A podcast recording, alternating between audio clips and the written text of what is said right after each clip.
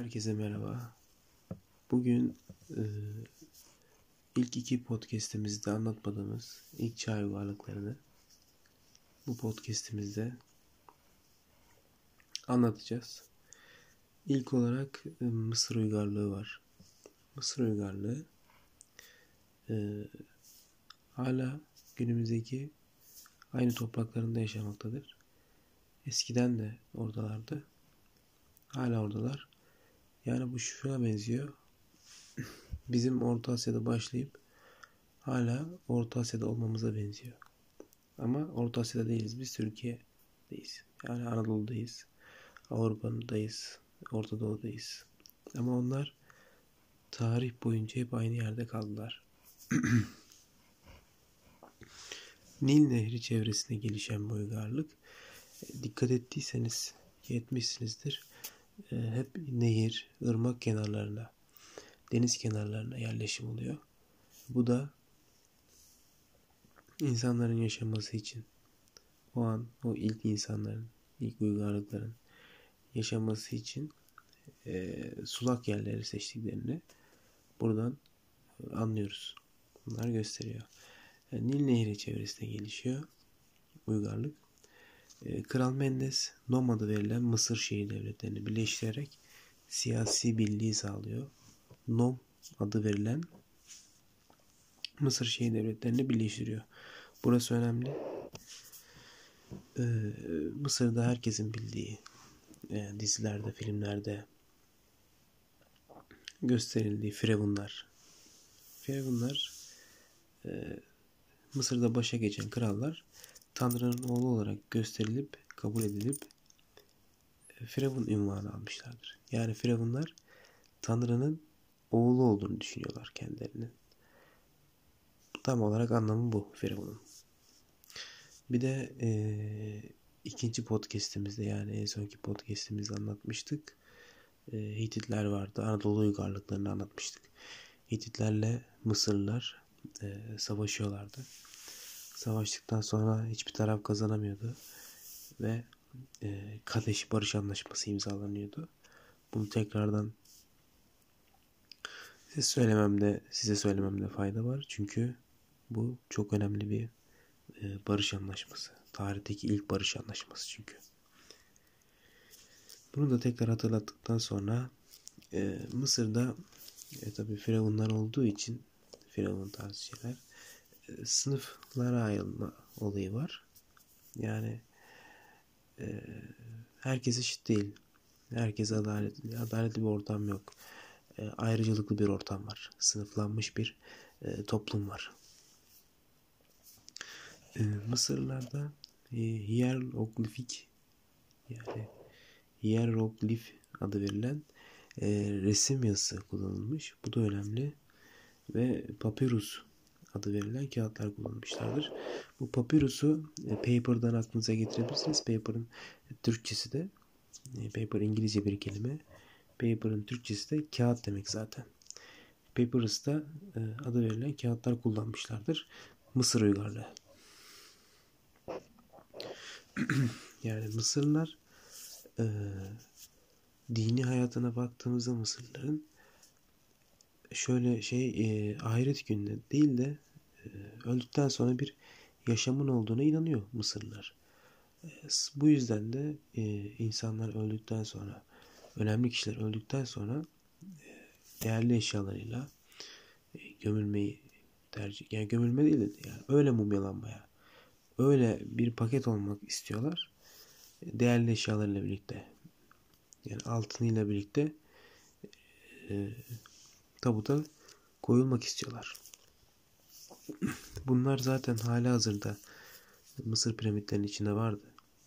Bu Mısır piramitlerinin amacı da zaten oydu. Ee, içinde firavunlar var, e, tabutlar var.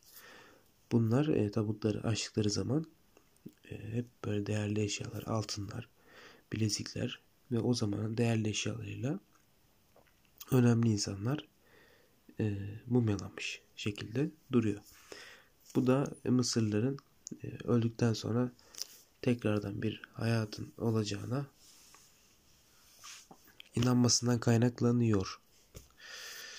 Evet şimdi Mısırlıları çok konuştuk ama Mısırlılar tarihi çok geniş olan bir devlet. Bir uygarlık.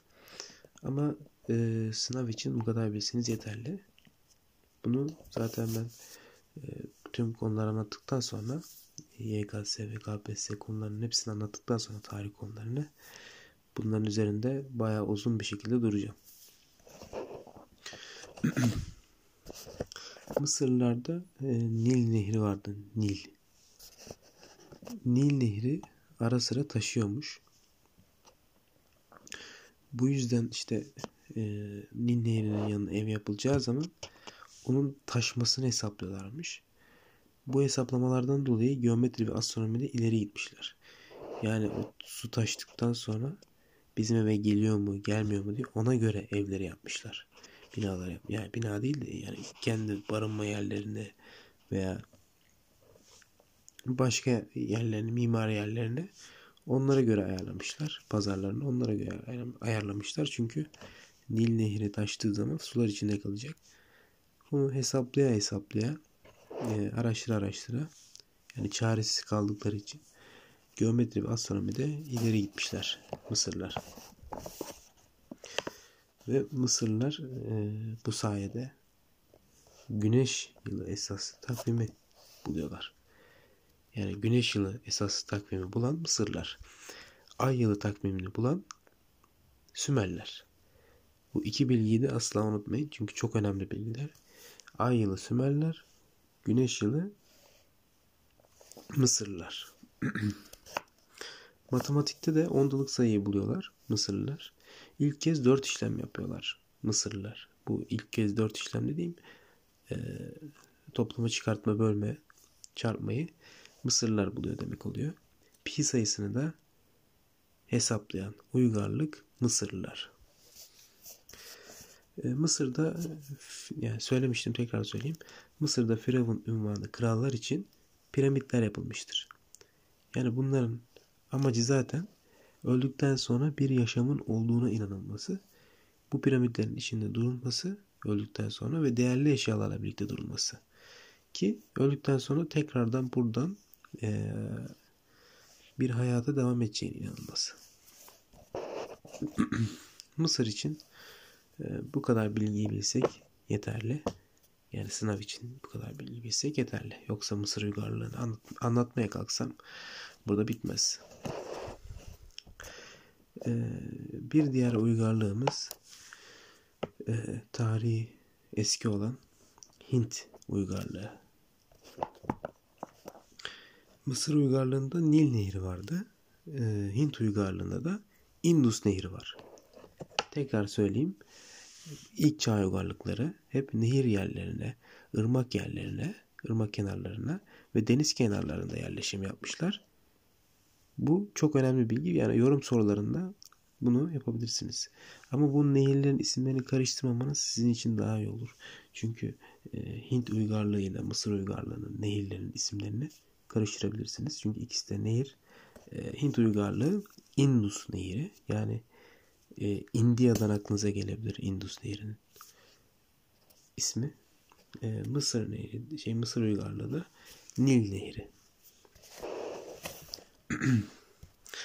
e, Hint, Hint uygarlığı toprakları çok büyük olan bir uygarlık. Yani şu an e, Hindistan'ın topraklarını belki coğrafyanız iyiyse veya başka bir yerden gördüyseniz biliyor olabilirsiniz. E, Mısır şey e, Mısır diyorum. Hindistan e, yağış alan bir yer. E, iklim yaşayan bir yer e, ve toprakları verimli, doğal kaynakları verimli olan bir e, uygarlık. Bu yüzden sık sık istilaya uğramışlardır. Sık sık da savaşmışlardır ülkesini yani uygarlığını korumak için savaşmışlardır e, Hint uygarlığında e, sınıflandırma tarzı bir e, bir şey e, bir Hindistanlılar gibi şey e, Mısırlılar gibi sınıflandırma gibi e, Hint uygarlığında da bir sınıflandırma mevcut.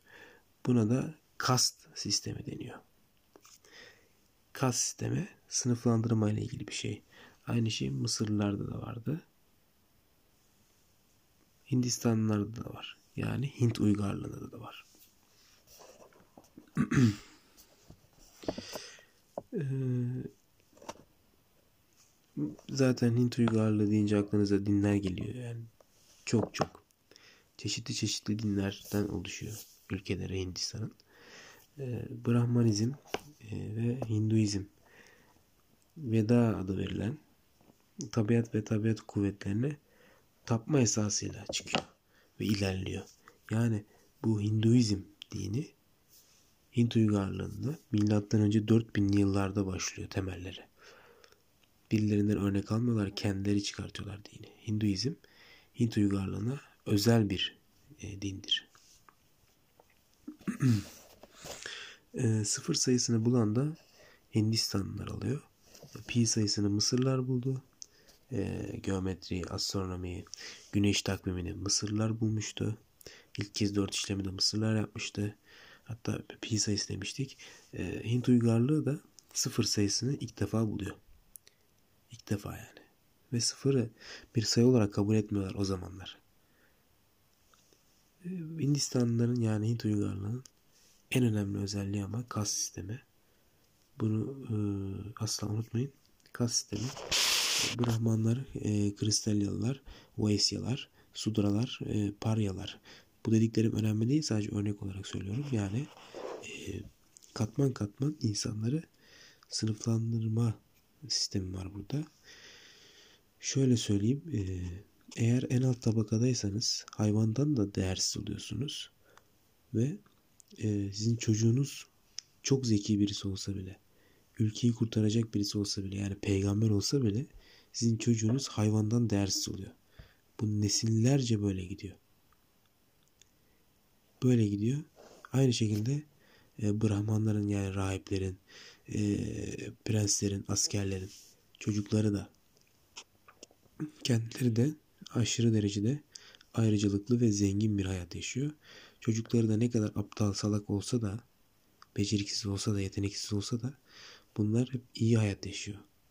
Yani ülkede e, uygarlıkta çok adaletsiz bir sistem var. Sınıflandırma var. E, bu zaten e, o zamanlarda kalma bir şey ama hala günümüzde ırkçılık ırkçılık, e, sınıflandırma ayırma, insanları sınıflandırmaya ayırma sistemi hala devam ediyor. Sadece resmi olarak yok. Keşke milattan önce 4000 yıllarda kalsaydı. Ama Hindistan yani Hint uygarlığı böyledir. Bir de kas sistemine demiştim ya size. E, paryalar yani e, hayvandan da değersiz olanlar insan grupları var böyle Hindistan'da, Hint uygarlığında. Bunlar babasının ne mesleği yapıyorsa aynı şekilde diğer Brahmanlar da öyle. Babası ne mesleği yapıyorsa çocuğu da o mesleği yapıyor. Yani asla bir seçenek sunma e, lüksü yok. Babası eğer çiftçiyse o da çiftçi. Babası eğer savaşçıysa, askerse o da asker. Babası rahipse o da asker şey e, rahip olmak zorunda. Böyle saçma bir sistem Hindistan'da e, bir zamana kadar devam ediyordu. Umarım bitmiştir. Hint uygarlığı bu kadardı. Şimdi e, Çin uygarlığına geldik. Çinliler Türklerin tarih boyunca en büyük düşmanıdır bu arada. Bunu e, Türk tarihine gelince zaten size söyleyeceğim, anlatacağım. E, Çinlerin, Çin uygarlığı da e, bence dünyadaki en güçlü uygarlıklardan biri. Hatta en güçlü uygarlık olabilir. Çünkü Çinliler e, tarihleri boyunca çok savaşmalarına rağmen asla pes etmeyip ilk başladığı topraklarda hayatlarına hala devam ediyorlar. Ve güçlü olarak güçlü olarak başladılar. Tarihte güçlü oldular hep. Askeri olarak da güçlü oldular. Nüfus olarak da güçlü oldular. Ekonomik olarak da güçlü oldular. Her ne kadar bizim e, Türk atalarımız Çinlilerle savaşsa da Çinlileri yense de asla ülkesini il, ilhak edememiştir. Yani ilhak etmek topraklarına katamamıştır. Çünkü Çinlilerin nüfusu çok fazla olduğu için biz oraya topraklarımızı katmaya çalışırken asimile oluyorduk. E, Moğolistan'da e, Kubilay Han diye bir e, hükümdar vardı. Çinlileri yendi ama e, illak etmeye de çalıştı. Fakat tam tersine e, Çin'e girince illak oldu mesela. Çinlilerin en büyük artısı o zamanlar ve bu zaman da öyle nüfus çoğunluğu. Yani nüfusları hep çoktu yani. Sadece bu zaman özel bir şey değil. Eskiden de böyleydi. Çin hanedanlar tarafından yönetilmiş ve tabi yine dinsel bir şey var. Tanrı'nın oğlu olarak kabul ediliyor. İmparatorlar. Bizde de aynı şekilde e, Kaanlar e, yani Türk tarihi için geçerli. Kaanlar Gök Tanrı'nın oğlu olarak Gök Tanrı'nın seçtiği bir e, hükümdar olarak görülüyor. Çoğu uygarlıkta böyle bu. E, Çin'in kültür olarak da dünyaya bıraktığı e, bayağı özellik var, bayağı yenilik var. E, bunlardan bir tanesi kağıt, matbaa, pusula, e, bazıları yani pusula ve barut. Bunları bulan e, uygarlık Çin uygarlığı. Tekrardan söylüyorum. Kağıt, matbaa, pusula ve barut. Yani şu an böyle baktığınızda çok basit gözükse de bunlar o zaman yıllarda yani milattan önce 2500 yıllarda konuşuyoruz. Yani çok önemli yenilikler. Hele barut yani. İnsanlar kılıçla savaşıyorken barut bulunuyor ve tüfekli sisteme geçmeye başlıyor. Yani çok ilginç ve çok zeki insanların olduğunu gösteriyor Çinlilerin, Çin uygarlığının. Halkın en önemli geçim kaynağı tarım, hayvancılık ve ipek ticareti olmuştur. Çin ipek yolunu egemen olduğu için birçok devletin saldırısına maruz kalmıştır. Yani ne demiştik? Hint uygarlığı da onun da toprakları verimliydi. Onlar da çok fazla saldırıya maruz kalmışlardı. Ee, Çin uygarlığının da toprakları verimli olduğu için onlar da saldırıya maruz kalmış ve İpek yolu e, İpek yoluna hakim oldukları için. Çünkü İpek yolu bir ticaret yoludur. O ticaret yolunda e, sadece Çinliler değil çoğu ticaretçi insanlar ticaretlerini oradan yapıyorlar. E, güvenli bir şekilde, ölmeden, e, sağlıklı bir şekilde ticaretlerini orada yapıyorlar. Ve e, gerçekten büyük bir gelir kapısı bu yol, bu ticaret yolu. Çinlilerin olunca Çinliler de tabi bu e, ticaret yolundan faydalanıyor. Çin seti de bu amaçla yapılmış. Arkadaşlar şöyle bir e, not okuyayım size. Çinlilerin bu buluşları dünya tarihindeki birçok olayın başlamasına etkili olmuştur. Barutun top tüfek gibi size söylemiştim zaten. Tüfek gibi ateşli silahlarda kullanılması feodalitenin yıkılmasında, pusula coğrafi keşiflerin yapılmasında, kağıt ve matbaa ise reform ve rönesans başlamasında etkili olmuştur. Şimdi bu dediğimi anlamamış olabilirsiniz. E, ilerleyen konularda, ilerleyen tarihi konularda Avrupa çağı, e, Orta Çağ tarihinde e, size bunları e, önemli bir şekilde yani düzgün bir şekilde anlatacağım zaten. Şu an reform, rönesans tarzı şeyleri anlamıyor olabilirsiniz. Sıradaki uygarlığımız yani Çin uygarlığı bitti. Bu kadar değil tabi tekrardan söyleyeyim ama e, üniversite sınavı için ve KPSS için bu kadar bilmeniz yeterli. Sıradaki uygarlığımız İran uygarlığı. Yani Persler. İran milattan önce 7. yüzyıla kadar uzanan bir medeniyete sahip olan İran'a ilk olarak Medler ve Persler egemen olmuşlardır. Yani Persler çok meşhurdur. İran deyince zaten akla Pers, Persyan diye yazılır. Persler gelir. Ondan sonra Safeviler gelir. Sonra da Azerbaycan Türkleri gelir. Sonra da Şah İsmail gelir. Milattan önce 550 yılına kadar Medlerin yönettiği İran'a bu tarihten sonra Makedonya'dan Indus nehrine kadar olan bir coğrafya hükmeden Persler. Indus nehri neredeydi? India'dan aklımıza geliyordu. India Hindistan demekti. Indus Hint uygarlığına ait bir nehirde. Oraya kadar e, olan bir coğrafyaya hükmetmişlerdir. Yani e, Balkanlardaki Makedonya'dan Hindistan'daki Indus nehrine kadar bir hükümdarlık söz konusu.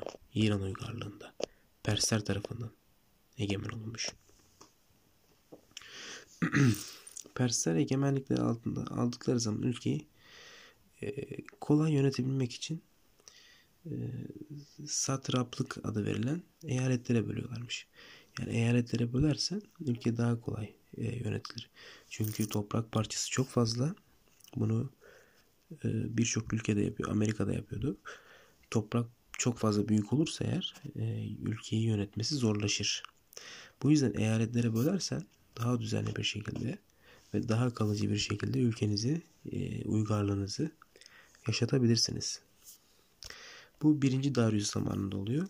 Tekrardan okuyayım şunu. Birinci Darius zamanında satraplık adı verildikleri eyaletleri tekrardan söylüyorum. Birinci Darius zamanında satraplık adı verdikleri eyaletlere bölüp satrap adında valiler atamışlardır. Ayrıca her yıl kralın görevlendirdiği kişiler de bu satrapları teşvit etmişlerdir. Yani teşvit diyorum. Teftiş etmişlerdir. Bu kişilere şah gözü, şah kulağı veya kralın gözü denmiştir. Bunlar çok önemli değil ama bu e, eyaletlere bölmesini İran'ın bilmeniz önemli. Ve şah gözü şah kulağı deyince aklınıza Şah İsmail geldi. Benim de öyle. Persler e, toprak çok büyük olduğu için yani Makedonya'dan Hindistan'a kadar bir toprak yönetiyorlar. E, haberleşmeye de çok önem veriyorlar. Ve düzenli bir posta teşkilatı kuruyor Persler. Bu posta teşkilatı e, merkezi otoriteyi güçlendiriyor tabi haliyle. E, kral kral yolu üzerinde önemli ticaret merkezleri kuruyor Persler. Yani ticarette pay almak istiyor kendilerine. İran, İran uygarlığı. Ve ticaretin gelişebilmesi ve sürekliliği için stratejik yerlere yani önemli yerlere kaleler yapıyor. Ve ticaretin güvenliğinden sorumlu oluyorlar. Ee, İran uygarlığında Zerdüşlüğün özünü iyiliğin ve kötülüğün mücadelesi oluşturmuştur. Zerdüşlük e, yani Zerdüştlük İran'ın resmi dini olmuştur. Bu da çok önemli. Zerdüştlük diye bir e, bilgi verip size İran uygarlığını sorabilir. Tekrardan söylüyorum. Zerdüştlük. E, bu İran uygarlığına, Büyük İran uygarlığına birazdan yani e, diğer podcast'te anlatacağım. Bu podcast çünkü 23 dakika oldu neredeyse. Ee, Makedonya kralı var. Büyük İskender. Herkes duymuştur eminim. Bu İran uygarlığına yani Perslere Makedonya kralı Büyük İskender son veriyor. Bu podcast'imiz bu kadar. Ee, diğer podcast'imizde Doğu Akdeniz uygarlıklarını anlatacağım ve Fenikelerden başlayacağım. Onu da anlattıktan sonra büyük ihtimalle ilk çağ uygarlıklarını bitirmiş olacağız. Şimdilik hepiniz sağlıcakla kalın.